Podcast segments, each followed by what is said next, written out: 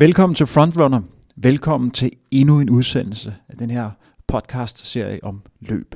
I dagens udsendelse skal vi gå lidt i dybden med sociale løbeklubber. Vi skal snakke inbo running, vi skal snakke tendenser i dansk løb, og hvordan vi kan profilere de danske løbere endnu mere. I studiet i dag har vi medstifter og designer, eller medstifter af inbo running og designer, Jakob Ørholm i studiet. Derudover har vi også Asser Nielsen. Asser, der er eliteløber, løber for Sparta, og også et rigtig godt brand inden for dansk løb. Velkommen til. Tak. Tak.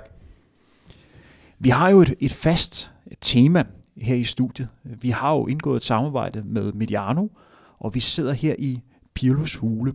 Vi sidder jo alle tre nu og kigger på Pirlo. Og jeg må sige, når jeg kigger på dig, Asser, og så samtidig kigger på Pirlo, I ligner jo hinanden. Var du klar over det? Nej, ikke helt, men det, det er måske også fordi, jeg tænker tilbage på min egen fodboldkarriere, og der, der gik jeg lidt under et andet kælenavn, der ligger et stykke for Pirlos.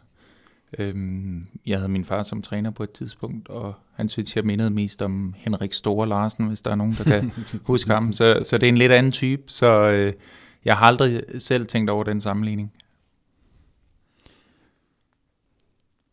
Og Jakob?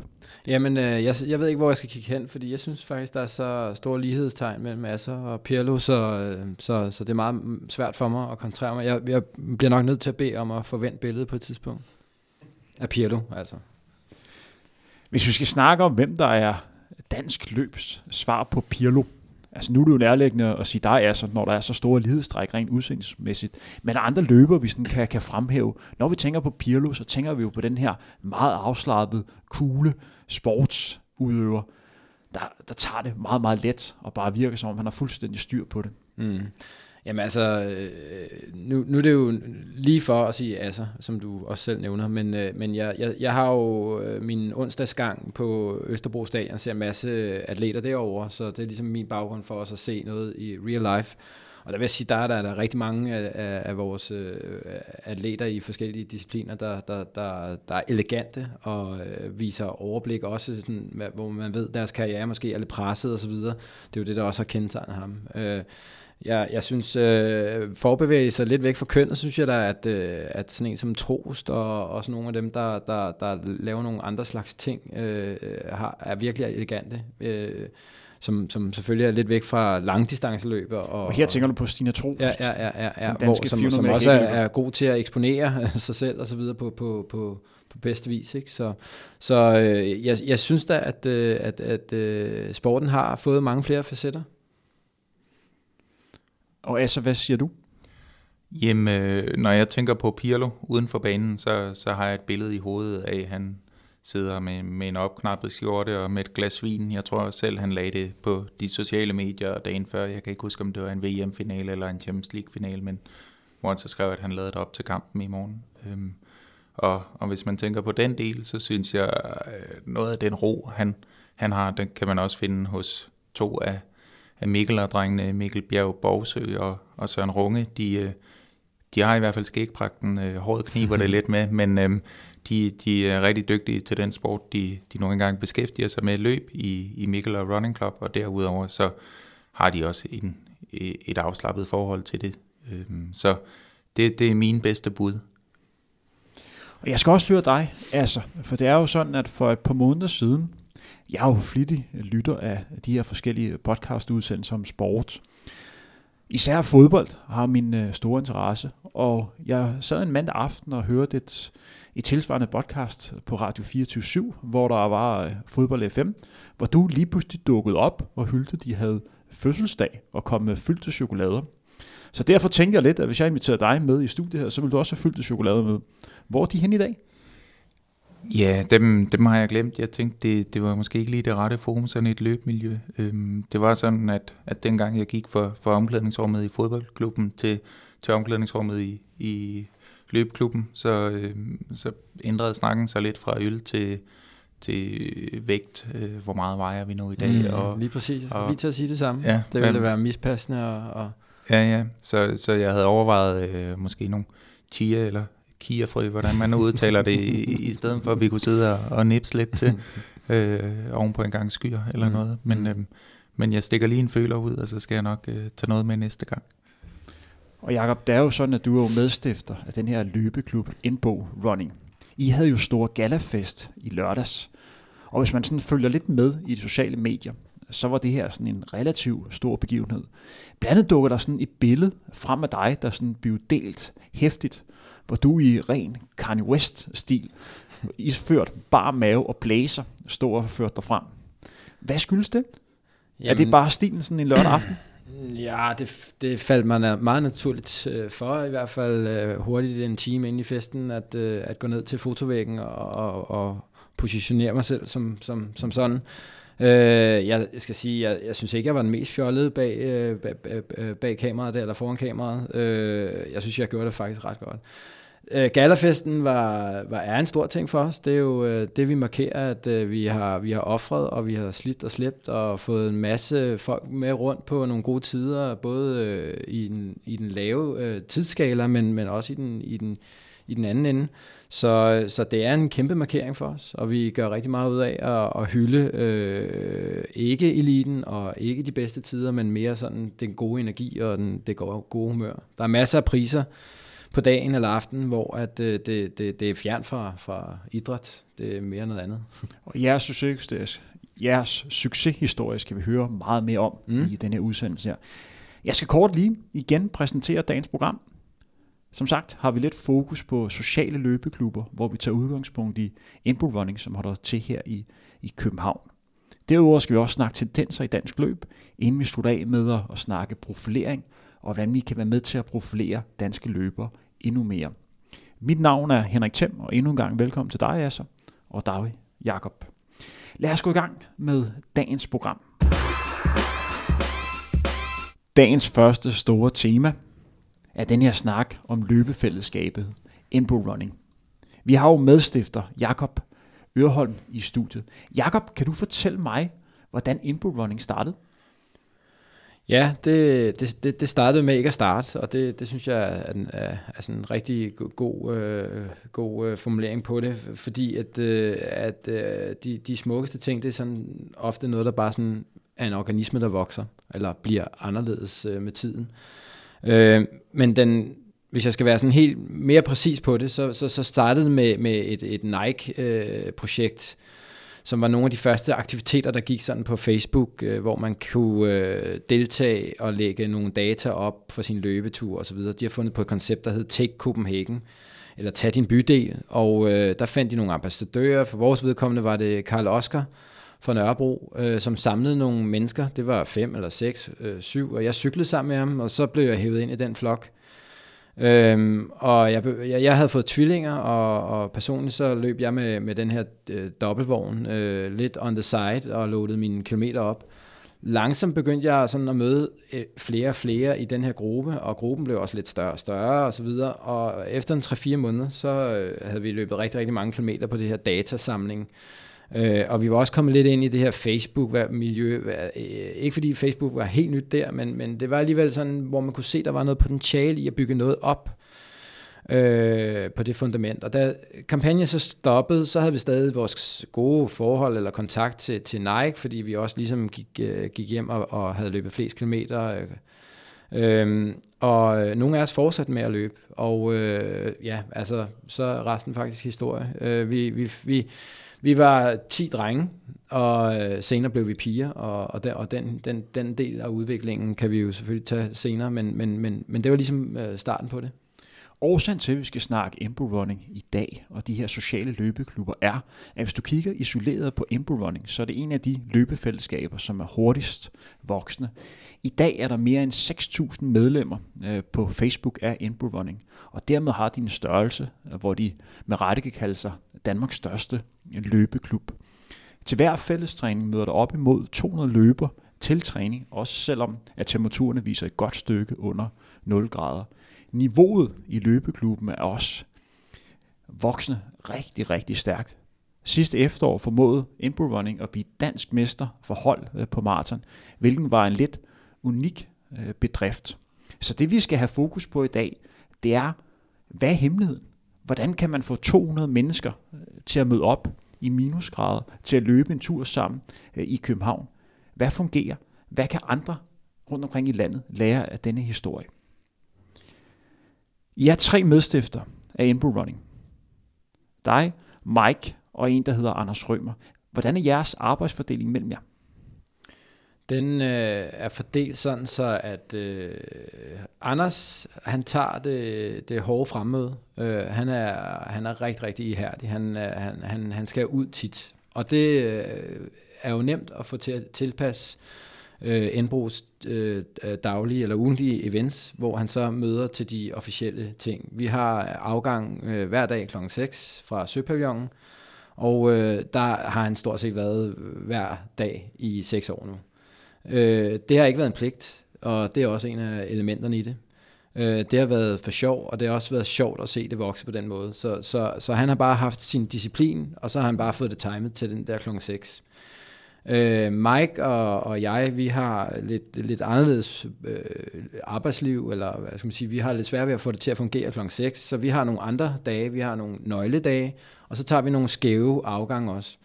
Øh, øh Mike er mere sådan øh, bag, bag øh, linjen øh, en god øh, inspirator til at holde den røde linje, den røde tråd fra det, der var det oprindelige øh, udgangspunkt, vi havde. Det er ret vigtigt, at man husker noget af det, man startede med, men også samtidig, at man forandrer sig. Så, så, så han er rigtig, rigtig stærk på at sige, hey, det her, det, det var ikke meningen, at vi skulle stå med 12 produkter i hånden og sige, at vi løber meget bedre med, med en ny shampoo eller et eller andet. Altså han er rigtig god til at holde, holde øh, fokus på det, vi startede som.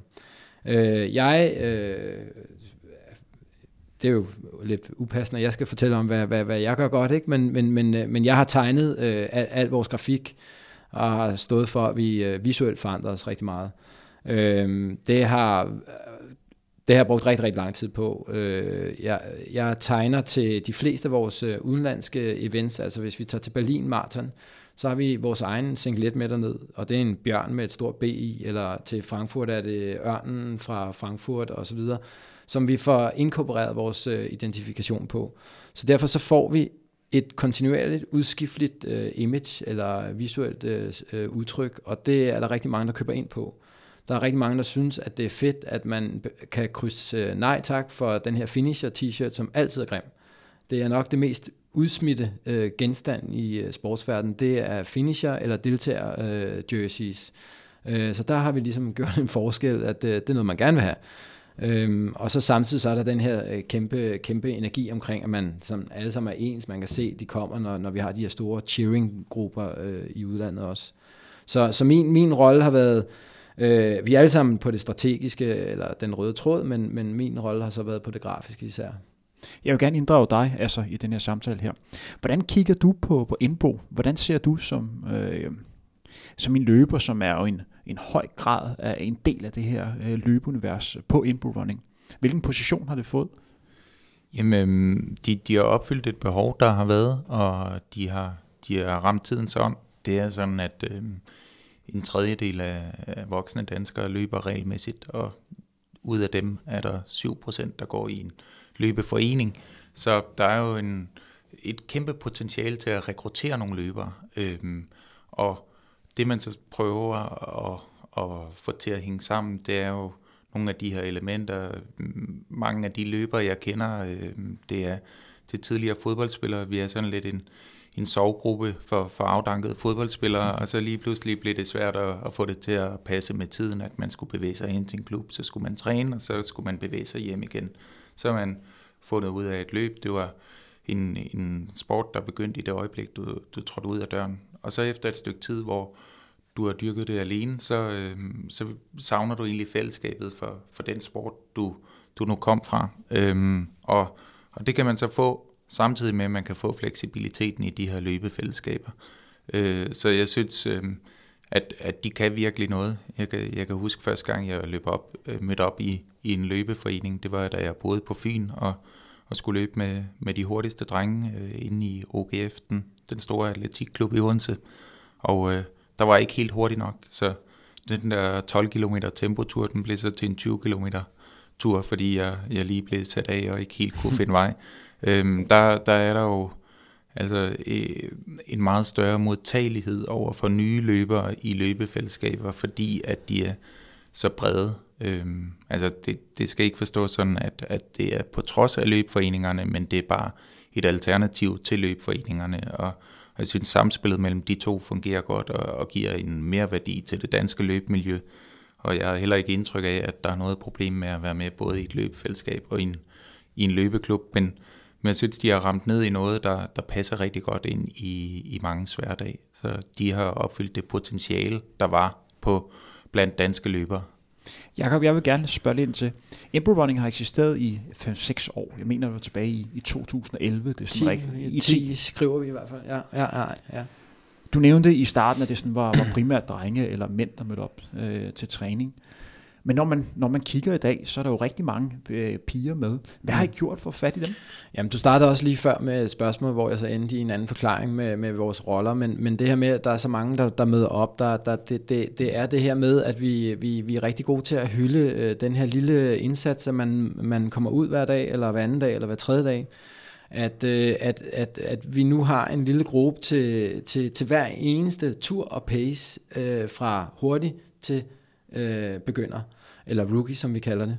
Og, øh, og, og det her med, at øh, der er ingen, der føler sig øh, mispassende i øh, selskabet, det, det gør, at, øh, at alle føler, øh, øh, at det, det, man er velkommen, og der er high five og så videre, uden det bliver sådan helt Scientology, så, så, så, føler, så føler folk, at øh, men, øh, hvis bare jeg kommer, så er jeg jo på det pace, og så kan det være, at der er to andre, der, så det, det, det er nemt at sortere den her ting.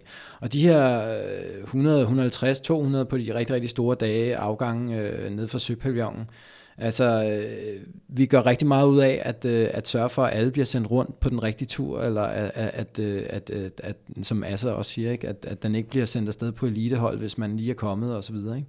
Så folk har, har nemt ved at navigere sig rundt i, i, i det her øh, øh, øh, øh slæng her. Så, så det, det, det er sådan Øh, det for at, at gøre det. Ikke? Og øh, i forhold til det her med, at vi var 10 drenge, og, og, og, og nu er en rigtig stor mix, altså øh, faktisk så var det sådan en af de strategiske beslutninger, vi også havde i år 2 eller 3, hvor Nike sådan begyndte at, at, at, at tale med os om, ja, var det ikke en god idé at gøre sådan og så videre. Og der skulle vi til at finde vores egen rolle i det her, uden at være sådan kommersiel. Og vi kunne sagtens have valgt at, sådan, at, at gå med sådan i et helt officielt partnerskab med Nike. Det var de faktisk øh, sådan friske og indstillet på, og havde også øh, noget, noget økonomisk vilje til det. Men, øh, men vi, vi mente faktisk, at vi havde en, en, en, en, altså et, et større pondus, hvis vi fandt os selv, før vi fandt, øh, fandt øh, et mærke eller noget, noget andet, som vi kunne indfø, iføre os. For det holder ikke lige så meget ved som en sjæl. Altså, du, du kan ikke få sjælen på den måde. Så, så det tror jeg, at alle parter er glade for i dag. Men de spurgte om ikke, det var en god idé at få nogle piger med, fordi det var ligesom deres målgruppe næste år. Og så sagde vi, det, det kan vi jo ikke bare sådan trylle frem. Vi, Indbro er jo ikke piger lige nu, så, så hvordan skal vi gøre det for at få sjælen med? Men vi valgte dog så alligevel at sige, hey, skal vi ikke prøve og så sige, at der er måske nogle andre afgange, vi gør lidt mere ud af, at, øh, at øh, det ikke er, hvem kan være der hurtigst af drengene, men at prøve at finde ud af, hvor, hvor, hvor vi kan finde et... Øh, det blev også nogle sjove fester jo så. Øh, så så, så, så der, der var lige pludselig sådan en, en, en, en, en, øh, en, en fokus, som, som viser på få år at, at blive til 50-50. Altså hvis vi kigger på, på Impro Running, og så tager udgangspunkt i, at øh, du løber for Sparta og med i, i Spartas øh, elitegruppe. Har I kunnet mærke, at der begynder at komme flere og flere løber, der løber med Impro Running? Kan man mærke det simpelthen til træning og, og stemning i en løbeklub øh, som Sparta? Jeg tror ikke, det er på vores hold, vi har kunne mærke det, men måske har man kunne mærke det på andre hold. Men øhm, jeg, jeg synes jo, altså, det, det har givet en berigelse. Øh, jeg kan mærke, at, at der er kommet en bredere elite, fordi man, man får samlet flere løbere op, der måske ikke var begyndt i en løbeklub. Og det er så løbere, jeg begynder at løbe med. Øh, nogle gange har de løbet i Sparta, øh, andre gange er de gået fra Sparta over til, til Indbro. Men, jeg bliver men nødt til lige, at, lige ja. at spørge om ting her. Så, så du nævner, øh, at der er nogle løber, der kommer til løbeverden, som ellers ikke ville have dukket op, fordi Indbro eksisterer. Ja, det tror jeg. Altså, jeg tror, vi kan være heldige. Jeg har ikke noget belæg for det, men, men jeg tror, vi kan være heldige at få fat i flere typer, som Lars Budolfsen, der, der også er stoppet med at spille fodbold, og så flytter han fra Aarhus til København, og så kan det godt være, at han tænker, ej, skære ind i en klub, hvor jeg skal betale kontingent. Måske kan jeg lige starte med at løbe en tur i, i et gratis øh, løbefællesskab, hvor jeg netop ikke øh, forpligter mig til noget det næste kvartal. Så jeg, jeg tror, at vi kan være heldige at, at fange flere af de typer, øh, uden at vide det med sikkerhed. Når man kigger på Impro Running, så vandt de jo Danmarksmesterskabet for hold øh, ved DM i Marathon øh, i oktober måned i, i Odense. Det skal lige siges, at øh, de vandt primært fordi det løb stærkt, men også fordi der var nogle, øh, nogle klubber, som var, som var fraværende, øh, som ikke stillede til start. Men når man stiller op til et mesterskab, så slår man alle dem, der ikke er der. Så de er Danmarks bedste maratonhold. Øh, punktum. Det, der var helt unikt den dag, det var, at der var op imod 100 øh, løbere, som ikke var med i løbet, som tog turen fra København og var med til at, at skabe en lille fest her på, på Odense Stadion. Hvilken er lidt unikt i løbeverdenen, fordi det er ikke noget, man normalt ser. Normalt er man sådan meget egoist-mennesker og tænker primært på sig selv. Når du kigger på, øh, på sådan noget der, hvad, hvorfor tror du, det lykkes? Det, det har jo en sneboldeffekt. Altså hvis de første fire står der, så, så får man trukket de andre med. Øhm, jeg løb der øh, til hos Andersen, jeg løb kun den halve, men, men det var virkelig fedt. Det, der er sket med Indbro, det er, det er ikke en lukket fest, det er ikke et lukket fællesskab. Altså, de hæpper på alle, og det spreder sig til de andre tilskuere. Jeg har løbet Copenhagen Marathon 10 gange nu. Jeg startede i 2005, og hvad der er sket på tilskuersiden, altså det, det er helt vildt, og det er jo, det er jo ikke øh, Indbro alene, men de har været med til at påvirke alle de andre tilskuere. Så hvor det tidligere var mm, jeg ved ikke om en, en modtagerkultur er det rigtige, men man stod i hvert fald meget ventet på de løbere, man kendte, og så hæppede man, så er der kommet en yderkultur, som, som tilskuer nu, hvor man faktisk tænker, okay, hvis jeg bidrager til at skabe en fed stemning, altså så gør sidemanden det også, og så mm. spreder det sig, ikke? Så det der for 4-5 år siden primært foregik på, på hvad hedder det, øhm, Dronning Louises Bro, hvor, hvor Indbro har deres øh, fokuspunkt på Copenhagen Marathon-distancen, øh, hvad angår opbakning. Det spreder sig op ad Nørrebrogade, fordi der ikke er plads på broen mere. Det går ind i Elmegade op på Sankt Hans Torv. Så som løber har jeg kunne mærke en, en kæmpe stor effekt. Altså, øh, når du møder op til et løb som tilskuer, så tænker du, okay, jeg bidrager til stemningen. Øh, så det, det har virkelig været en berigelse. Indbruds succes har jo også gjort, at man har fået tilsvarende løbeklubber i Aarhus og, og Aalborg. Og lyv mig ikke, om der snart kommer en tilsvarende løbeklub i Odense. Alt andet vil undre mig. Hvordan har du med det, øh, Jakob? Er der lige pludselig sådan blomster lignende aktiviteter op rundt omkring i landet? Jamen, vi hilser helt ærligt alt øh, initiativ velkommen. Altså, jeg, jeg synes virkelig, det er fedt at se, og, og, og Aarhus, som var nogle af de første, har vi hurtigt bondet med, og, og har sendt øh, flere øh, løbere derover, som skal studere eller arbejde derover. Så, så øh, på alle mulige måder er, er det jo kæmpe gruppen for, at der er endnu mere fest, som Assa siger, så spreder det sig jo øh, til den næste gade og til den næste gade. Og jeg vil også gerne tilføje, at jeg tror, at et af nøgleelementerne i det her med, at, øh, at det lige pludselig er kommet, det har jo ventet på at komme i 100 år. Altså det er jo kun fordi, at øh, alle de her sportsgrene, jeg kommer selv fra cyklingen, og der er mange lighedstegn. Altså hvis, hvis, hvis tingene udvikler sig indenfra, så udvikler de sig aldrig. Hvis, det, hvis der kommer nogen udefra og siger, vi ved ikke, hvordan det foregår, men vi har lyst til at gøre det sådan her, så sker der jo noget. Og det er jo ikke fordi, at øh, vi er imod noget, vi er jo med noget, men vi bidrager med noget, og vi kommer med noget. Og, og jeg tror, det er ret vigtigt, at, øh, at det er noget, man skal tage rigtig meget ved lære af, hvis, hvis, man, hvis man kan det i, i systemerne. At, øh, at øh, nå, hvad gør I? Øh, hvad, hvad bruger I noget specielt øh, hashtag eller så videre? Der kommer altid sådan nogle IT-spørgsmål, og det er aldrig noget med IT. Det er noget med følelser, og, og hvad, hvad, hvad bringer du til festen? Øh, tænker du ud af boksen, og så videre, og så videre. Ikke? Og jeg, jeg tror, det er ret vigtigt, at, at, øh, at man ikke tænker, og øh, hvad skal Køge Atletikklub øh, gøre for at ligne Indbro, eller så videre. Men man, man skal bringe noget med til festen. Det der med at være en del af klubben, det er jo sådan, at de traditionelle løbeklubber, øh, det det kræver at være med, det er, at man først og fremmest øh, betaler kontingent, og så får fat i en, en klubtrøje, og så stiller op til løbende. Så er man jo integreret en del af det her løbefællesskab det er lidt sværere sådan helt at finde ud af, hvad det kræver at, at være en del af et løbefællesskab som indbro, fordi man ikke rigtig kan finde sådan en regelsæt. Hvis man gerne vil være med, medlem af klubben, og gerne være en, som, som de andre regner med, hvad skal man gøre? Øh, jamen, man skal bringe noget med til festen. Altså, vi har også det her interne princip øh, med, øh, at, at, at, at, at vi har nogen, der spørger efter tre gange, hvor de er kommet måske på et forkert tidspunkt endda også. Så de spurgte, om de kunne købe trøjen osv. Vi har fra start af besluttet, det er der, hvor Mike især er rigtig god til at holde på de her rockerlinjer, øh, som vi i øvrigt ikke skal associeres øh, mere med. Men det er det med, at man, man får altså kun trøjen, hvis man, hvis man er meget hyppigt øh, fremmødende. Og det er sådan set det eneste princip. Man behøver ikke at være øh, øh, specielt øh, kulturel eller politisk, eller øh, verdens hurtigste eller verdens langsomste, men, men, men der er nogle fremmøderegler.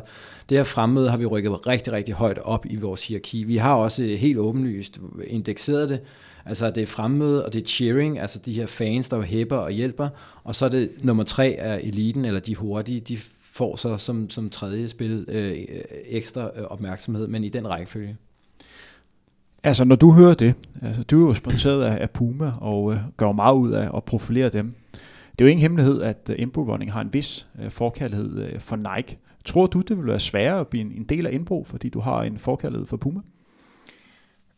Jeg ved det ikke, men jeg tror det ikke. Øhm, ej, men jeg, jeg ved også, at, at det, vil, det vil ikke være en umulighed. Altså, der løber folk med, med andre mærker end lige Nike øh, med i Enbro, og jeg synes også, de, altså, hver gang folk spørger, så er de ret tydelige omkring, at det er for alle, og der er jo en løber som Anders Legard, som, som mange måske kender for, for hans skriverier i politikken og omløb, øhm, der også løber med, men ikke altid har, har indbrugtrøjen på til løb, fordi han stiller op i AC Pain.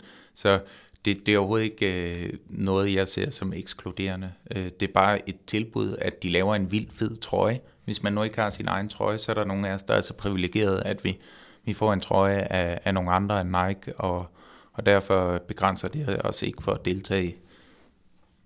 Jeg vil gerne tage udgangspunkt i øh, den træning, der er på Indbro.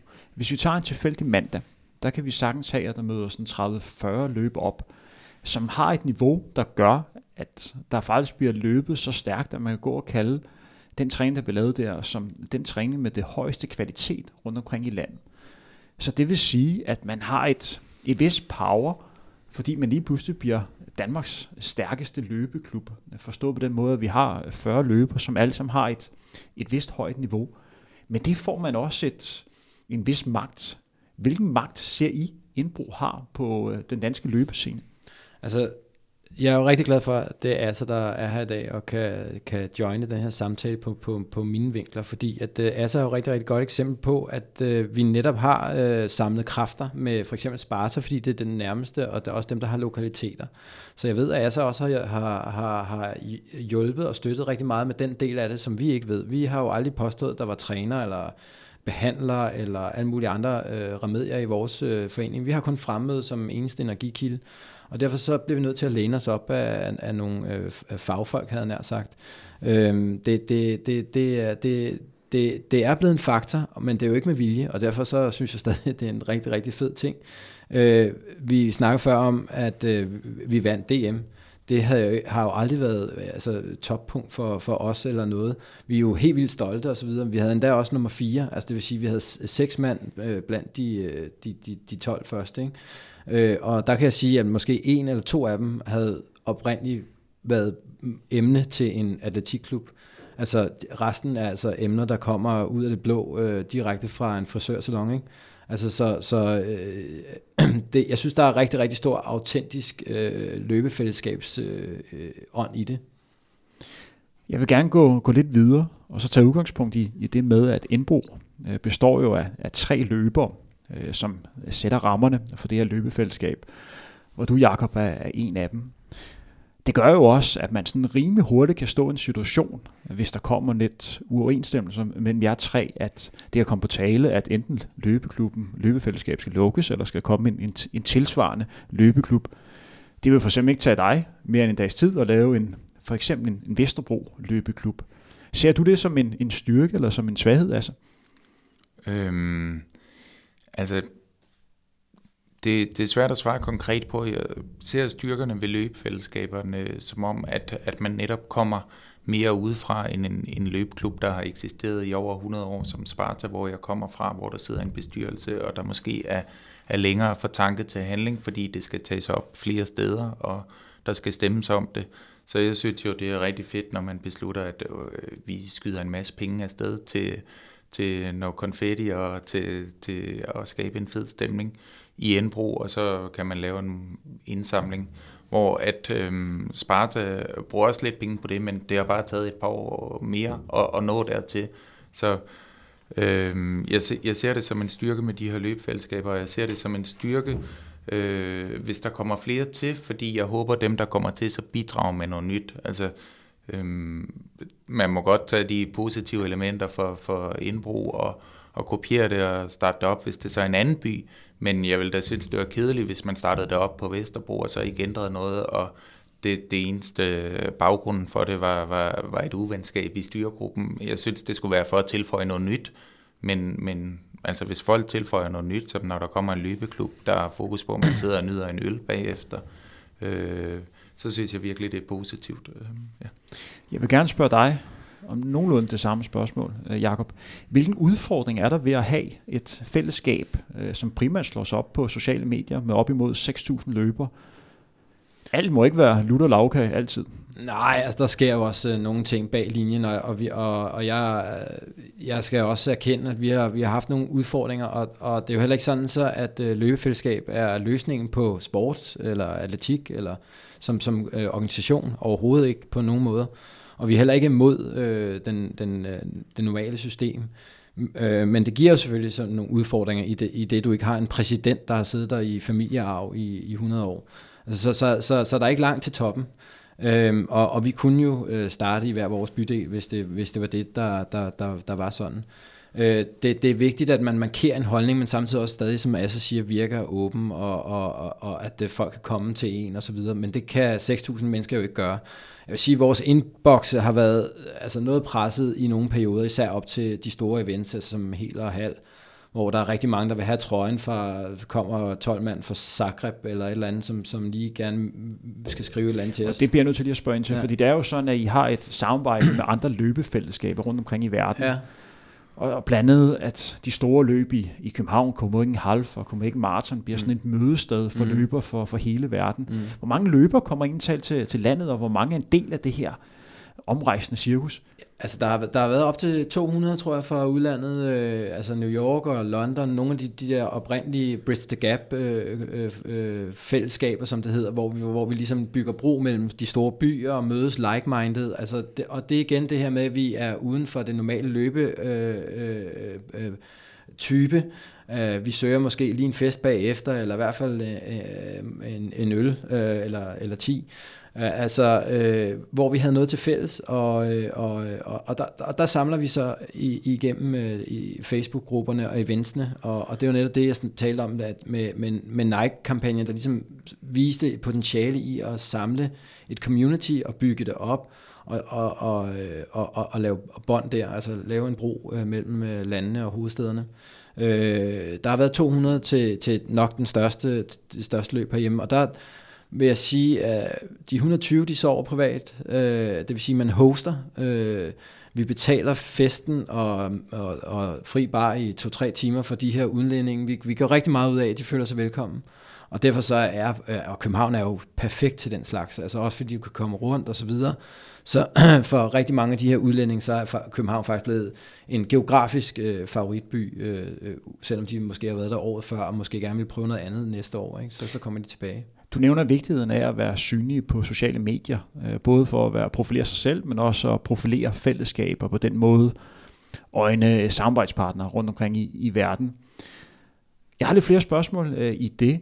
Hvor vigtigt, hvorfor er det så vigtigt at, at, at, være, at være synlig og få taget de rigtige billeder og få lavet de rigtige hashtags, så man kan øge den her profilering? Og hvordan opstår helt præcis sådan et, øh, et venskabsbånd med en, et andet løbefællesskab. Sender man øh, i princippet en venneanmodning, og så siger, skal mm. vi være venner? Ja. Altså, øh, jeg, jeg har fulgt øh, Asser også øh, og hans øh, konto. Jeg kan, jeg kan sige, at vi, vi startede jo på et, et andet niveau, hvor vi havde en øh, dialog på Facebook. Altså, der var det mere det skrevne. Der var det mere det her med, at der var nogen, der lagde noget åndssvagt op med, med, med et eller andet løbevidighed, med, så vi er ikke ligesom de andre-agtigt. Der var det meget øh, på skrift. så begyndte det at vokse til at blive meget visuelt, og det er løb jo. Altså det er noget med, at du løber ud i en fed skov, eller du har en fantastisk udsigt ud over havnen, eller du har løbet København Hal, som der er nogle gode billeder, hvor du trækker det fra fotograferne osv., og, og, og eksponere dig selv eller dit løbefællesskab. Og, og, og der øh, er, er Asa så også kommet rigtig, rigtig fint på, og, og bidbringer med, han har også været ude at rejse, han har været i Afrika, ikke? hvor at, at, at, at det er fedt at se, hvordan, hvordan tager han løbet med derned og så videre. Så derfor så, igen, hvad bringer du til mediet? Hvis du bare bringer det her med, at øh, den her shampoo løber rigtig stærkt med, så, så, så kommer du nok ikke særlig langt, og bygger du nok ikke særlig meget af fællesskab. Ser vi jo også nogle mærker, uambitiøse tilskud til sporten, det er jo, at altså, man skal købe til, til, til, til de her indrykninger, som jeg nærmest vil kalde det, hvor Assers eksempel og vores eksempel, synes jeg også, er øh, med integritet og, og autentisk fremmøde og så videre, alt det her. Ikke? Det, det, det skal jo være meget autentisk, før det virker. Hvordan kigger du på det altså? Jamen, øh, jeg, jeg tror, synlighed er vigtig, og Indbo har været med til at gøre mm, nogle løb mere synlige, ikke? Øh, og jeg synes jo, det er en god indikator for, hvor godt et løb du har, hvor langt folk vil rejse for at deltage i det. Det er ligesom med restauranter. Øhm, altså, jo længere du vil rejse, jo, jo bedre en restaurant, eller jo bedre et løb har du skabt.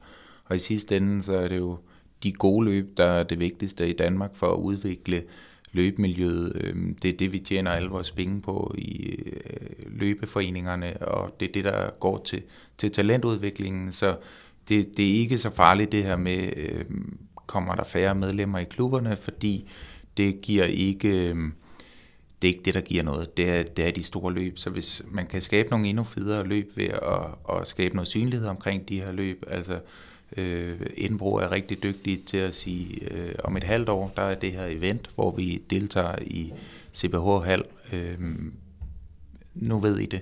Og så, så øh, begynder at snakke om det. Jeg begynder at snakke om Copenhagen Marathon allerede nu, og begynder at, at tage folk med på rejsen, og håber, at jeg kan sådan inspirere folk til at deltage, fordi det, det skaber sådan en synergieffekt, hvor jeg kan inspirere dem, de kan inspirere mig til at, at fortælle om det her. Øh, jeg, jeg havde ikke rigtig nogen stil, der begyndte at fortælle om det her. Så tænkte jeg, nå okay, men jeg skal lave et blogindlæg hver dag, og så mandag kan det handle om træning, tirsdag kan det være sjov, onsdag kan det handle om kost, og torsdag kan det handle om det, og så fandt jeg ud af, at det var der mange andre, der gjorde øh, lidt bedre øh, inden for hvert emne. Så måske skulle jeg bare komme med de her lange fortællinger, hvor det ikke handlede så meget om konkrete tal, men det i højere grad handlede om at, at prøve at være synlig på en måde, så folk kunne identificere sig selv i noget af det.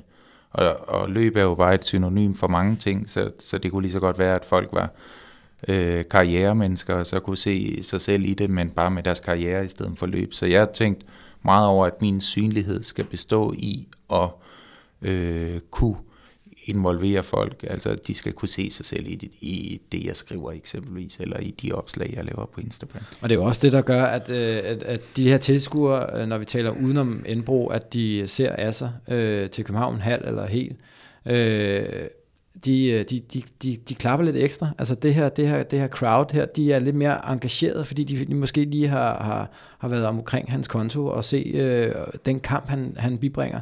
Han kommer ikke bare med nogle fede split shorts. Altså han, han, har, han, har, han har postet noget for tre måneder siden, som man kan forholde sig til. Det sidste, vi lige skal, skal snakke om, inden vi skal videre i, i dagens program. Indbo har jo det slogan, der hedder Run, Party, Repeat. Jakob, hvor vigtigt er det, I, i fremstår som en løbefællesskab, der også er glad for at feste? Jamen, det er rigtig, rigtig vigtigt. Jeg talte før om de her tre øh, emner på vores hierarkiliste. Altså, det, det her med at være fremmøde, det gør, at, øh, at man får et forhold til hinanden. Så øh, det her cheering, det gør, at du får alle med. Du får måske også familie eller kærester med. Øh, og så er der rigtig god øh, bund for at holde en fest.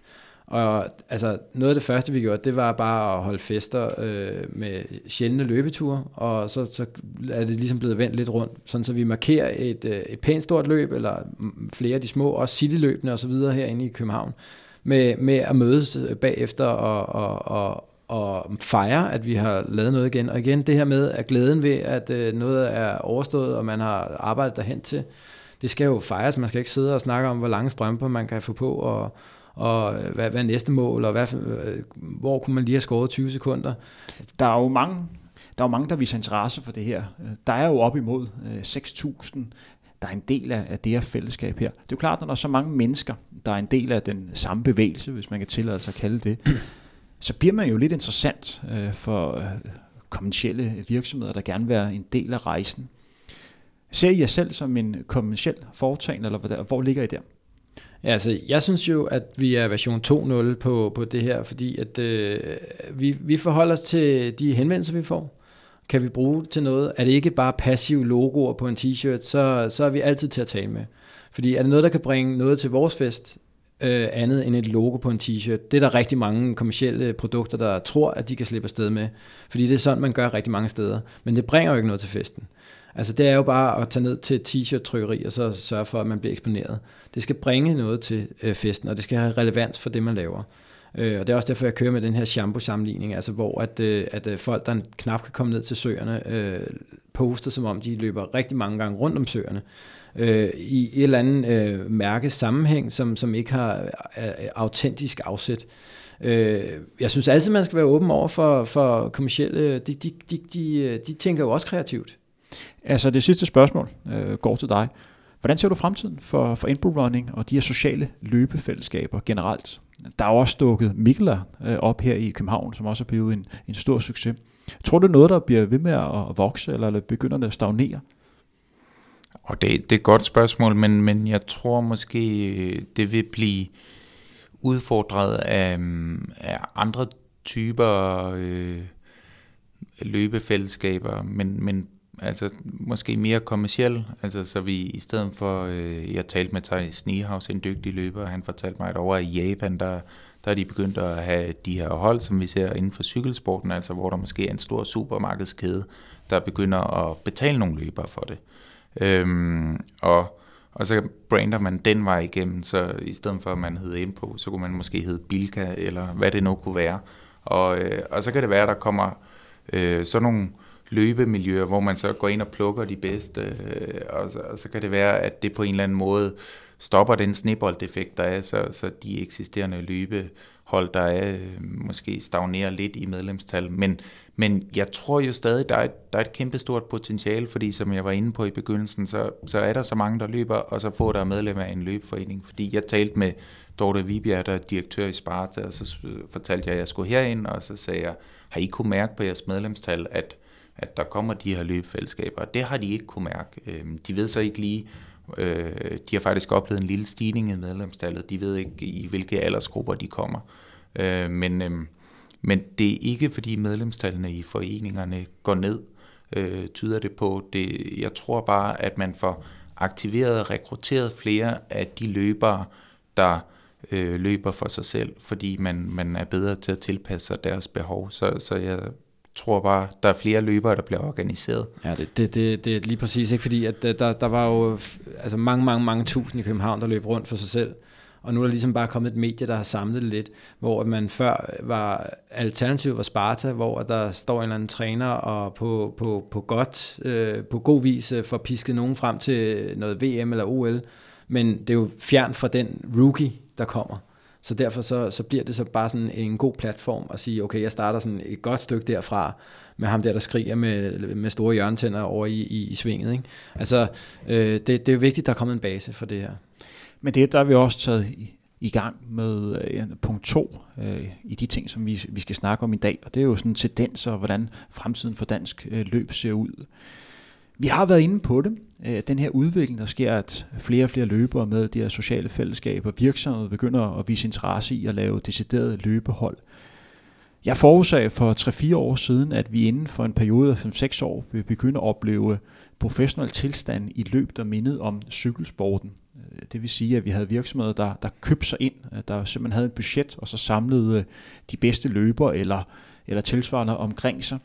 Og så tog man simpelthen ud til, til løb rundt omkring i Danmark eller resten af verden og, og hjalp hinanden til at få, få bedst mulige resultater. Det var også ensbetydende med, at man alle havde samme sponsorer, og man løb i det samme mærke. Tror I, at vi går i den retning? Tror I, at man ser det inden for et par år? Altså, jeg kommer fra cyklingen, og det er på rigtig mange områder ikke værd at, at læne sig op af som inspirator til noget som helst konstruktivt. Det ser vi jo i Dansk Cykelunion. Øh, hvad det hedder, øh, der er rigtig mange ting, som kan lade sig gøre i den retning, og der er rigtig mange ting. Man, man skal jo altid kunne, øh, kunne, kunne lære tingene.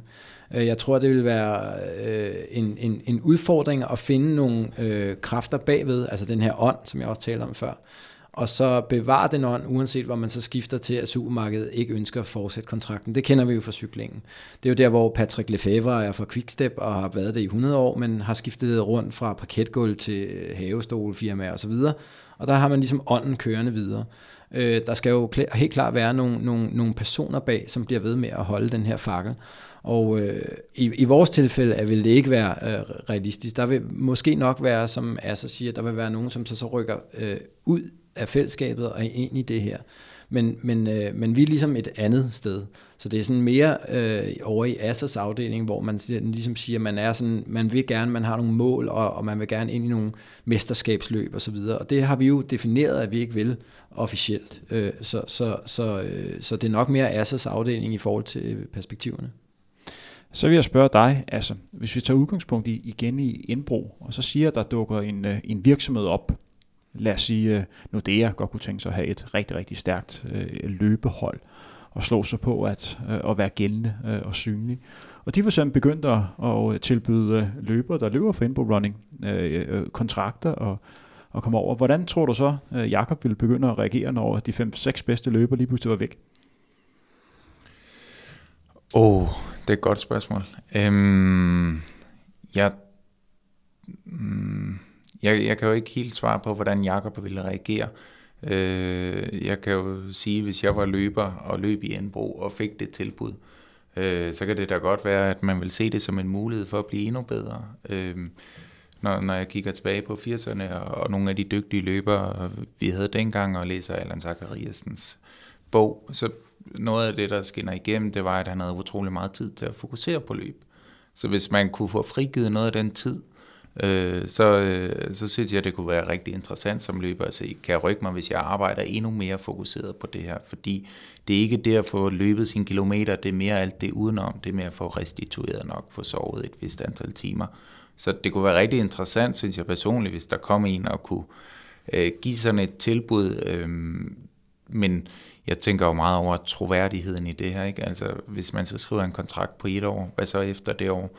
Så går man så bare tilbage til Enbo og siger, øh, nu vil jeg gerne løbe mere igen, øh, fordi nu, nu har jeg fået en økonomisk gevinst et andet sted. Jeg ved ikke, om indbrug vil have et problem med det, men det er måske mere mig personligt, der vil have et problem med det, hvis jeg løber for Nordea det ene år, eller så løber for Bilka det næste år, og så for et tredje hold det, det næste år, fordi så synes jeg ikke, man, man udnytter øh, det potentiale, der kunne ligge i et kommersielt samarbejde. Altså så kunne det bare lige så godt være, være shampoo-holdet, jeg løb for som det andet hold. Altså det, det skulle være, fordi der var en dybere mening med det, altså så man løb for Novo Nordisk, for øh, altså de har lavet et cykelhold, hvis man igen drager en parallel til den sport med Change Diabetes, altså så synes jeg, der opstår en mening med det, men, men der må gerne være en dybere mening med det, øh, synes jeg lige umiddelbart. Altså, ja, vi, vi, vi har jo været ude for den øh, slags positive ting, vil jeg øh, kalde det straks, fordi at øh, vi har flere, der, der er associeret med både trænere, altså som er så gode, som har brug for en personlig træner, og øh, de løber jo øh, glædeligt i deres trøjer, eller, eller når de repræsenterer dem, øh, i en eller anden form for øh, salgsværdi for, for den her træner, som også øh, investerer i det. Og, øh, og vi har også øh, PV som et super godt eksempel, som er altså øh, øh, Peter Jensen, som, som, som, som er sådan en 230-233 løber på maraton, øh, har også et mærke, som øh, øh, clasher med, med vores singletter for eksempel. Og så kan han jo ikke få singletten. Og så må han jo gøre op med sig selv om, hvad er han i det løb. Men det er jo ikke sådan, så, at han får karantæne, eller at der er uvillighed fra vores side, eller pause, eller vi har fuldstændig ren linje omkring, at øh, alle folk skal gøre lige præcis, hvad de har lyst til, for ellers er det jo ikke fællesskab. Ellers er det jo ikke, at alle har den her flade øh, strukturopfattelse. Øhm, og og øh, hvad det hedder, folk, der, der øh, vil, vil kollektivt melde sig ud, øh, eller ind i noget andet, hvis de valgte det i forhold til ideologi, så ville vi føle os meget mere besnæret eller, eller, eller såret på, på, tæt på hjertet. Ikke? Altså, jeg vil godt øh, spørge lidt ind til, til dig. Du var jo med i en, en film for et par år tilbage, der sådan hedder Den øh, Perfekte Mand. Der er sådan, om du er en perfekte mand, det skal jeg ikke øh, tage stilling til. Udenbart, når man ligner Pirlo, så er man meget godt kørende. Men det var en film, der sådan illustrerede dine, din overvejelser og hvad for nogle øh, mål øh, du gik efter. Og du har også de senere par år arbejdet målrettet med at få en profil, sådan rent øh, løbemæssigt. Øh, du har din egen blog og, og skriver også nogle, nogle gode indlæg på sociale medier og er meget bevidst om, hvornår og, og hvad du lægger ud øh, på, på de her medier. Hvor vigtigt er det for dig at, at få et brand? Mm, det var vigtigt i begyndelsen. Øh, jeg, jeg begyndte på bloggen for at kunne få en sponsor, fordi jeg begyndte at skrue op for min træning, og lige pludselig skulle jeg bruge et par løbsko om måneden, og, og på det tidspunkt var jeg studerende, så det blev lidt dyrt, så jeg tænkte, øh, nu kunne jeg rigtig godt bruge en sponsor, øh, for at kunne give noget igen, øh, når, når man ikke altid kan levere de allerbedste resultater, der giver noget synlighed for dem.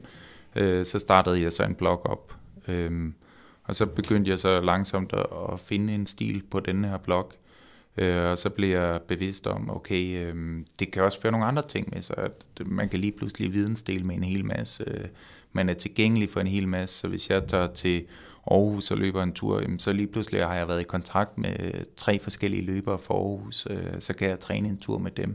Så jeg synes, øh, synligheden har givet en masse øh, sideeffekter, ud over et sponsorat, der betyder, at... Øh, at, at nu vil jeg gerne fortsætte med det, fordi øh, det både giver noget til nogle andre, har jeg fået en fornemmelse af, jeg kan inspirere nogle andre, øh, men samtidig giver det også øh, et netværk, øh, der, der giver rigtig meget til mig, fordi vi netop kan vidensdele. Altså der er ikke så meget konkurrence i det danske løbemiljø. Jeg synes, alle er meget, meget søde til at, at samarbejde og, og hjælpe hinanden, så vi kan blive endnu bedre i fællesskab, i stedet for at vi kan blive lidt mindre bedre øh, hver for sig. Men sidder du overvejer, når folk sidder og læser på dine blogger og følger med, hvad de gerne skal tænke øh, om Asser? Har du sådan en bevidst strategi om det, du gerne vil sådan udstråle? Nej, det har jeg lidt glemt, og det tror jeg også afspejler sig lidt i, hvem der følger med. Altså jeg kan se, at, at det er en meget blandet målgruppe, men det er også meget fint. Altså det er fokus på, det er at være troværdig, så man netop ikke siger ja, når der kommer nogen og siger, kunne du, kunne du sige noget om den her shampoo, men, men hold lidt igen med den del. Og derudover så vil jeg gerne øh, være ærlig og, og prøve at fortælle nogle af de historier, der ikke er blevet fortalt så meget. Altså, hvad, hvad er de mest øh, betændte emner, eller hvad, hvad er lidt tabubelagt? Øh, den film, jeg medvirker i, jeg skal måske lige indskyde, at, at jeg har ikke haft indflydelse på titlen, og, øh, og jeg tror, hvis du spørger min kone, så, så var hun ikke altid øh, helt enig i titlen, specielt ikke i morges, der glemte at gå ud med skrald, men... Øh, men øhm, i filmen, der, der er fokus også lidt øh, på det her med at få børn. Altså, hvor meget, hvor, hvor lidt må det fylde, ikke? Og, øh, altså løb i forhold til at få børn. Øh, jeg siger, jamen det, det er jo sådan måske fire år, jeg har til at blive rigtig god. Øh, begyndelsen af 30'erne, og, og når jeg så er færdig med det, øh, øh, så, så kan vi overveje at få børn. Og så diskuterer vi så, hvorvidt øh, at, at man skal gå fuldt ud efter noget, eller eller om man skal prøve at blive lidt god til det hele, og så ikke øh, gå 100% efter at blive den bedst mulige udgave af sig selv på løb, men, men også tænke på at blive den bedst mulige far. Øh, så, så jeg tænker meget over at prøve at fortælle nogle af de historier, der ikke er blevet fortalt, og så inddrage mig selv mest muligt, så det bliver troværdigt, og så, så have mere fokus på at fortælle lige præcis den historie, jeg vil, og ikke lave et samarbejde med nogen, hvor jeg føler mig begrænset i at kunne fortælle min historie. Så øh, når jeg har to en halv sponsorer nu, så, øh, så har jeg sagt til dem, jamen, det jeg kan tilbyde jer, det er at integrere mig i min personlige historie, men det bliver ikke noget med, at jeg ligger øh, et billede op, hver gang jeg har fået en portion tøj for, for Puma og Kaisersport. Det bliver mere noget med, at, at jeg så har deres tøj på, og så så folk øh, kan fokusere på det, jeg vil fortælle, og ikke på de produkter, der er nogen, der i sidste ende gerne vil sælge. Lige præcis øh, om det med, med Puma, der har jeg et spørgsmål, fordi øh, udover at Puma øh, sponsorer dig, så er der også en anden løber, som er, som er glad for den her hoppende kat, nemlig en løber som hedder Alan Dario, der også går meget ud af at være et, et brand inden for, inden for løbeverdenen. I har jo sådan lidt en battle på sociale medier, hvor I stikker lidt til hinanden, og der har også været lidt en udfordring op, at øh, vi skal ud og løbe, I skal ud og løbe kapløb til Copenhagen Marathon. Hvor bevidst er I om det? Øhm, jamen, jeg synes jo, det kunne være rigtig sjovt at, at få en, en konkurrent, og, og det har jo været svært i det danske løbemiljø, fordi jeg stadig har til gode at møde en, en løber, der ikke var sympatisk, men, men Allan er det bedste bud, og, og nu ved jeg ikke helt, om den duel, du omtaler til København, bliver til noget, fordi der var en, der trak lidt i land, øh, efter jeg havde delt det opslag, så det er faktisk slettet på Instagram, så, så man kan sidde og lede længe efter det, men jeg kan i hvert fald sige, at, at jeg stiller stadig op til Copenhagen Marathon, og så kan man selv gætte, hvem der, der har trukket følehornene lidt til sig. Men, øh, men det var ham, der startede, og, og så svarer jeg selvfølgelig igen, når han skriver noget. Men, øhm, han minder jo meget om Pujol, ikke? Altså, så det vil jo så blive Pirlo mod Pujol. Ja, ja, ja, ja som type, ja. Fordi det vi, sådan, det vi sådan snakker lidt om her, det er jo den her vigtighed at være at skabe et navn, skabe brand og blive profileret, så man sådan bliver attraktiv øh, for sponsorer. Langt de fleste af dem, der tænker den retning, det er jo fordi, at de gerne vil skabe bedre forhold til at kunne nå deres, øh, deres sportslige ambitioner. Du nævner det selv. Hvis man gerne vil blive god, så kræver det, at man kan træne rigtig meget, men det kræver også, at man har mulighed for at gå lidt mere i dybden øh, med sin sport. Det vil sige at kunne koble af og få slappet af og, og restituere øh, ordentligt. Jakob, øh, hvad skal man gøre for at øh, kunne skabe sig en, øh, et, et godt navn, være god til at brande sig selv? Hvad, hvad er det for nogle ting, man skal være opmærksom på? Hvad tror du? Jamen, jeg tror, jeg tror der, der, der er jo nogle yderpunkter inden for det der, hvor man kan opnå det maksimale som over i den ene ende, og så kan man opnå det maksimale over i den anden ende. Så er det bare et spørgsmål om, hvad for en ende man vil være i. Vi, som jeg også antyder, så, så, så føler jeg, at vi er, er øh, øh, den, altså den, den nye tendens i forhold til at kommunikere kommercielt. Øh, Øh, det, som Asser fortæller os, er noget med, at han står med, ikke med nogle produkter sådan langt op i ansigtet og siger, at det, det, det, det, det er derfor. Det er der ingen, der tror på længere. Så det, man skal selvfølgelig sørge for, det er at, at, at vælge nogle mærker og associere sig med, som, som, som, kan, altså, som er en naturlig del af det, der foregår på billeder og i tekst eller i historie. Den historie, man fortæller. Så, så øh, man, man skal selvfølgelig sørge for at omgive sig med mærker og mennesker, som er en god historie. Og øh, så kan mærkerne så få noget ud af det. Øh, man ser stadig, som jeg også øh, har nævnt tidligere, øh, nogle mærker, som bevæger sig i de her øh, version 1 øh, procedurer, og det, det falder bare rigtig meget til jorden. Så derfor så skal man være meget opmærksom, både som forbruger og som kommunikator og som mærke, at man er i synk. Det næste, vi skal snakke om, det er jo det der med, at øh, når vi sådan åbner op for nye områder inden for løb, der ikke tidligere har været øh, en del af det, så er der også nogle ting, man bliver nødt til at, at tage med i, i overvejelsen. Man får fat i, i løber, som i princippet gerne vil gode på rekordtid, og nogle gange afspejler sig i andre, som også er, er gode, og man vil gerne nå derhen. Der er desværre en snak, der hedder, hedder doping. Øh, hvordan forholder I jer til det? Vi kan jo rimelig hurtigt blive enige om, at, at det er noget skidt, og det er noget, man skal, øh, man skal straffe. Men lad os tage udgangspunkt i, i indbrug. Hvad vil I gøre, hvis der lige pludselig dukkede sådan en, øh, en dopingsag op? Har I et regelsæt om det? Nej, det, det har vi ikke, og det, det, det er heller ikke os, der skal gøre det, fordi det har vi, det, altså det skal man have styr på. Og øh, vi er øh, blåret naive øh, i forhold til simpelthen bare ikke at forholde os til det. Øh, vi har faktisk en overvejende grad af læger øh, øh, med i vores løbefællesskab, så vi har jo øh, nærmest adgang til alt, hvad vi har brug for. Øh, men, men, men vi har jo vi har jo en helt naturlig fornuftig sans, altså, og vi er jo ikke, der er jo ikke nogen af os, der, der, der skulle have været til Rio eller noget som helst. Altså, vi er jo sub elite, øh, de bedste. Og den næste gruppe, som også kunne finde på den slags ting, vi ser jo inden for cykling også, der er nogle veteraner, der, der, øh, der snyder øh, og har store medicinskab. Ikke?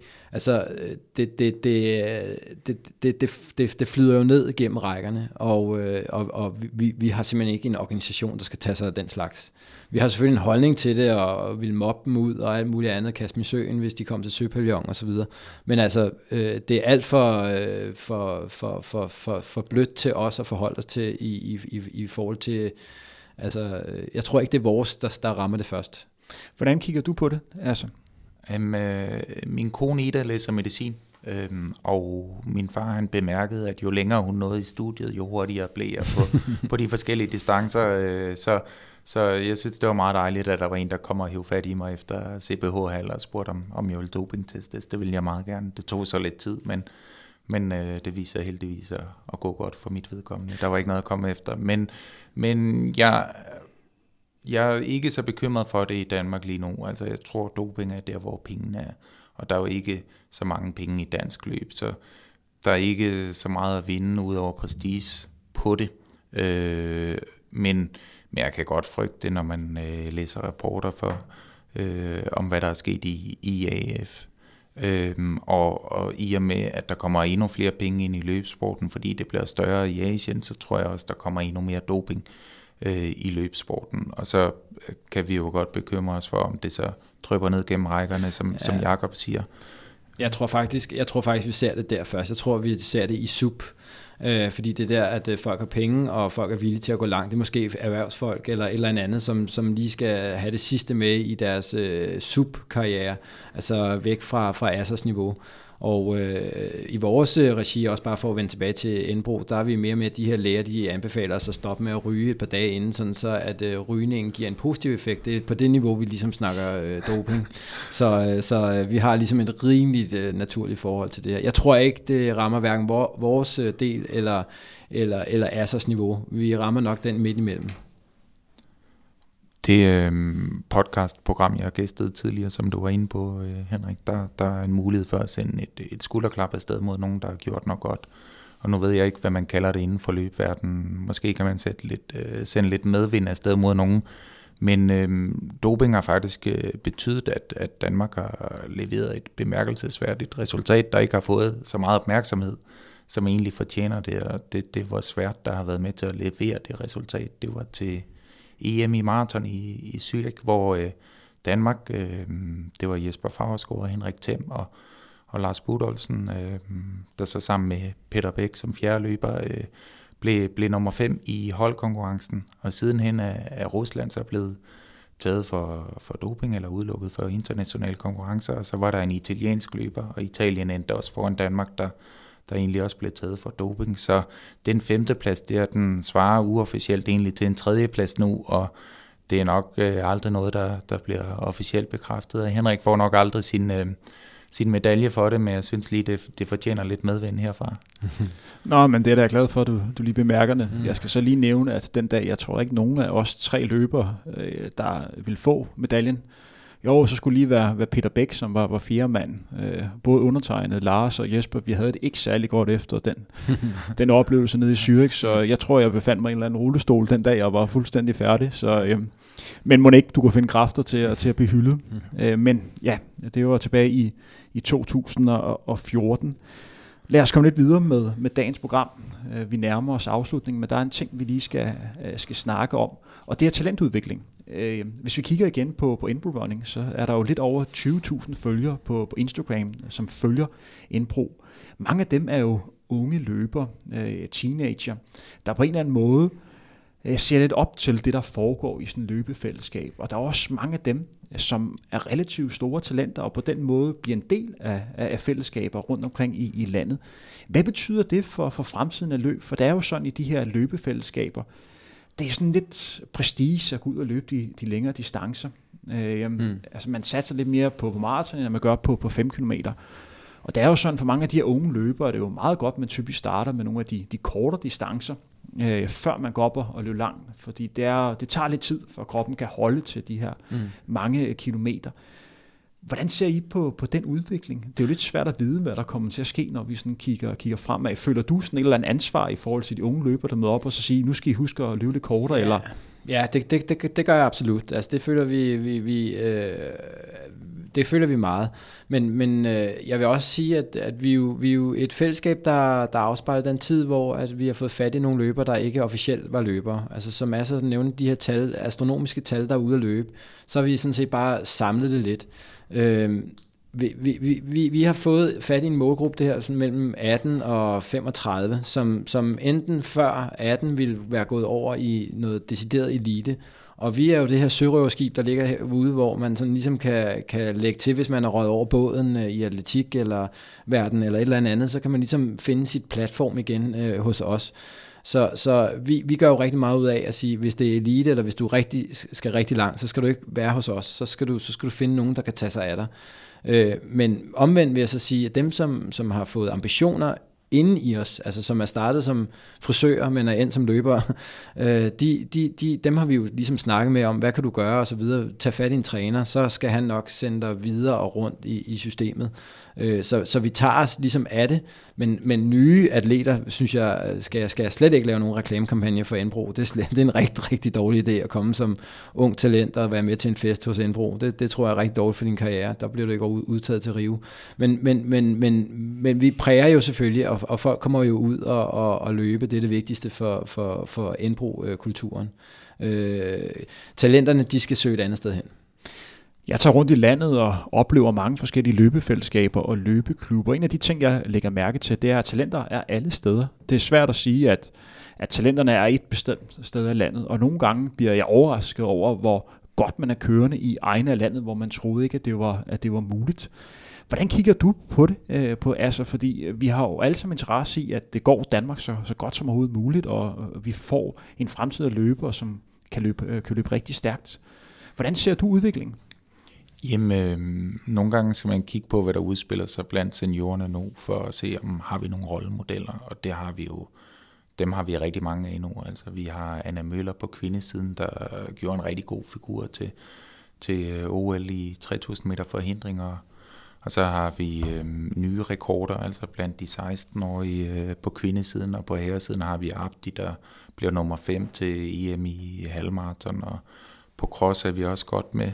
Øh, både, både øh, Anna på kvindesiden og Abdi på herresiden, og, og kvinderne på de lidt længere distancer, Anna Holm Hove, tidligere bagmeister, og, og Jessica Draskov Petersen, de, de er der også og leverer nogle flotte resultater, og som jeg nævnte tidligere, så har vi også forhold øh, for herre på maratondistancen leveret noget rigtig flot.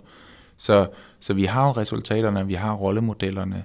Øhm, det jeg er bekymret for, det er, at, at vi har de talenter, der løber rundt, men, men bliver de rekrutteret til, til bare et løbefællesskab eller til en løbeforening, det kan jeg godt være bekymret for. Vi, vi har jo ikke lige så mange incitamenter for at blive gode løbere i Danmark, fordi løb ikke er en lige så stor sport som, som i andre lande. Altså i Østafrika, der, der er de største stjerner, det er jo mellem- og langdistanceløbere. Øh, så der, der møder de unge op automatisk for at prøve at blive ligesom dem. I USA har de en motivationsfaktor i og med, at, at i uddannelsessystemet er der integreret øh, nogle løbehold, som det er rigtig attraktivt at komme med på, fordi så kan du blive optaget på de, de øh, gode college og få betalt hele din uddannelse. Så der er også noget rigtig attraktivt. Øh, så, så alle de her talenter, der, der ser jeg stadig et potentiale til, at vi kan få dem ind i klubberne. Det var jo lidt en tilfældighed i en pige, som Anna Holm øh, øh, eller Anna Møller kom, kom ind i øh, en løbeklub. Det var jo bare fordi hun gik på efterskole for at spille basket, og så havde de tilfældigvis løb en gang om ugen, og hun kom med til DM 10 km. Så jeg, jeg skal, kan være bange for, at der går mange nævne, rundt. Ja. Jeg skal lige nævne, at vi tidligere lavede en udsendelse, hvor vi havde fokus på Anne Emilie Møller. Så ja. hvis man kigger i vores arkiv, der vil man kunne finde et rigtig godt portræt af hende. Jeg, jeg, jeg tror også, som Asser, er en lille smule bekymret. Uh, hvad det hedder, uh, vores uh, resultater, uh, om man kan kalde det øh, vidner jo om, at der ligger jo kæmpe potentiale i, lø, i løbere i Danmark, men dem, dem vi ligesom har, har fået ud af vores fremmøde løbere, eller bare dem, som skulle tabe sig, eller øh, øh af sociale øh, årsager er ude, viser der sig jo at være øh, 10 i top 100 i København Marathon. Øh, Øh, altså rimelig god subgruppe, øh, som måske kunne være blevet til noget andet, hvis de var startet tidligere. Men hvordan finder man dem? Og det, det, mener, jeg, det mener jeg virkelig er, altså, er det her problem. Fordi vi har ikke den her søgning eller det her filter, og vi tager ikke nogen prøver, eller har ikke et struktureret system til at, at finde de her talenter. Og lige inden for atletikken, hvor man i andre sportsgrene kan starte lidt senere og så videre, øh, der, der er det altså afgørende, at du har de der tekniske øvelser, core ting og alt muligt andet, øh, som, som grobund for det. Og vi har endda så fået så meget ud af vores øh, amatør øh, latteglade festaber, øh, så, så, så, så det viser bare, at der ligger jo enormt materiale. Altså, du nævnte jo selv, at øh, vores EM-hold tilbage i, i 2014, og jeg kan fortælle, at alle de fire løber, som du fremhævede, vi kommer alle sammen for, fra andre sportsgren alle sammen har, har spillet fodbold, og, og først senere, øh, da vi blev 18-20 år, øh, fundet interessen øh, for løb. Og det viser også bare, at, at talentet er alle steder.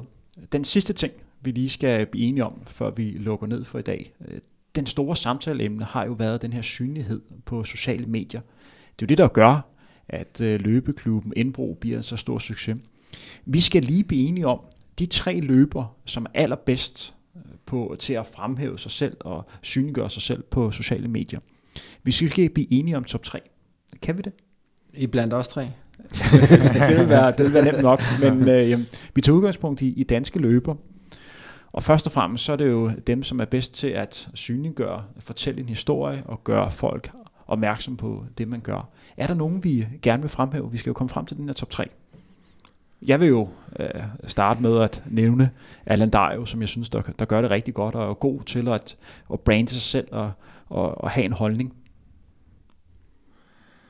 Jamen, øh, han, han er god ligesom mange andre, og derfor er det næsten synd at fremhæve nogen frem for andre, men, men jeg synes jo, altså, den serie, Anders Legard har, har ført i politikken, hvor han beskriver om tabet af sin datter, og så hvordan han tænker over det og, og bruger det på sin løbetur. Altså det, det er noget af det smukkeste, jeg har, har læst. Det er måske ikke øh, den blog, der handler allermest om løb, men det er bare en rigtig flot fortælling, som hvis man endnu ikke har læst den, så, så kan man gå ind på politikken og finde den under Jeg løber. Det er, det er i hvert fald noget, jeg prøver at tænke øh, over øh, og, og kunne skrive øh, bare en tiende del så godt, fordi så tænker jeg på, på rette vej, så, så har er jeg meget inspireret af. Og så synes jeg, det er rigtig inspirerende at, at prøve at åbne øjnene, fordi da, da jeg begyndte at læse løbblogs, øh, langt inden jeg selv begyndte at blogge, så tænkte jeg, at jeg skal jo, jeg skal jo læse nogle blogs af alle dem, der løber hurtigere end mig selv. Det er dem, jeg skal lære noget af. Øhm, og, øh, og så sad jeg og læste om, hvad de havde løbet, og hvor mange kilometer de havde løbet, og hvor hurtigt de havde løbet dem, og det var vildt fedt, og så gik jeg ud og, og prøvede at efterligne det, og endte øh, selvfølgelig i overtræning. Øh, og da man så sad der i sin overtræning og ikke kunne løbe, så tænkte man, så prøver jeg at læse nogle af de andre blogs. Og, og det var lidt en øjenåbner, der, der er en... Øh, en, en pige, der hedder Mama Maren, der, der har tre børn, og jeg troede aldrig, det var sådan en blog, jeg skulle læse. Men så skrev hun et, øh, et rigtig godt indlæg om, øh, Øh, at hun ikke var løber. Altså en pige, der, der tilknyttede en, en løbebutik og øh, løber det største af sit liv. Og, og der kunne jeg bare se mig selv i det indlæg, og så fik jeg øjnene op for, okay, der, der er virkelig uanede løbebloks, øh, når, når, når man også får øjnene op for dem, øh, der ikke løber hurtigere end en selv. Så, så en kvinde som Mama Maren, øh, synes jeg er rigtig god, øh, hvis det skal handle om andet end at løbe rigtig stærkt. Har du nogen, du vil byde ind med? Ja, men jeg, jeg, har, jeg, jeg synes også uh, helt objektivt, at øh, uh, der jeg gør det rigtig, rigtig godt, hvis, uh, hvis, jeg skal, hvis jeg skal nævne en, som, som, fordi han kommer med nogle lange historier en gang imellem, som er rigtig, rigtig givende, eller som er meget nærværende og indlevende, og meget nemme at sætte sig ind i den kamp. Samtidig er han jo street, og det, det er jo, det er jo et, et, noget, jeg kan forholde mig til. Jeg, jeg kan godt forholde mig til, at han har meget kultur i tingene han forholder sig til resten af verden, musik og alt muligt andet. Han samler ligesom en masse ting i løb, hvor at jeg synes, det er det, der bringer noget til festen. Altså i stedet for at øh, fotografere sig selv øh, fra den samme åndssvage ansigtsvinkel og, og med, med birketræ i baggrunden og den samme sø og så videre, så, så er der ligesom nogle refleksioner. Han har jo brugt sin løbetur til noget. Og, og Asser, han fortæller om Anders, som, som jeg løber med flere gange om ugen, øh, Anders Legard, Altså, det er jo det praktisk, praktisk eksempel på, hvad han får ud af sin løbetur, og på godt og ondt, og på tragisk vis. Men altså, det er jo netop det, at vi alle sammen bruger løb til noget. Øh, og så har jeg jo sådan min helt anden personlige darling, som jeg skal tjekke hver morgen, det er jo Ati Sikker, som, øh, som er legendarisk på Instagram. Altså han har jo for, for, formået at få sin split screen til at fungere så godt med de square tøj, på venstre side, så har han sin damhustur sø, hvor han øh, holder et par pauser. Øh, den er også 3 km lang. Og så, øh, så har han sit scorecard med pacen, og det, altså den, den skal jeg bare have hver morgen. Det er, det er min morgenmad. Det var nogle gode bud øh, på den her top 3. Med det, som vil jeg gerne sige tak for i dag. Tak, Asser. Tak, Jakob, fordi I har lyst til at, at nørde lidt løb her. Tak for taletiden. Tak for det.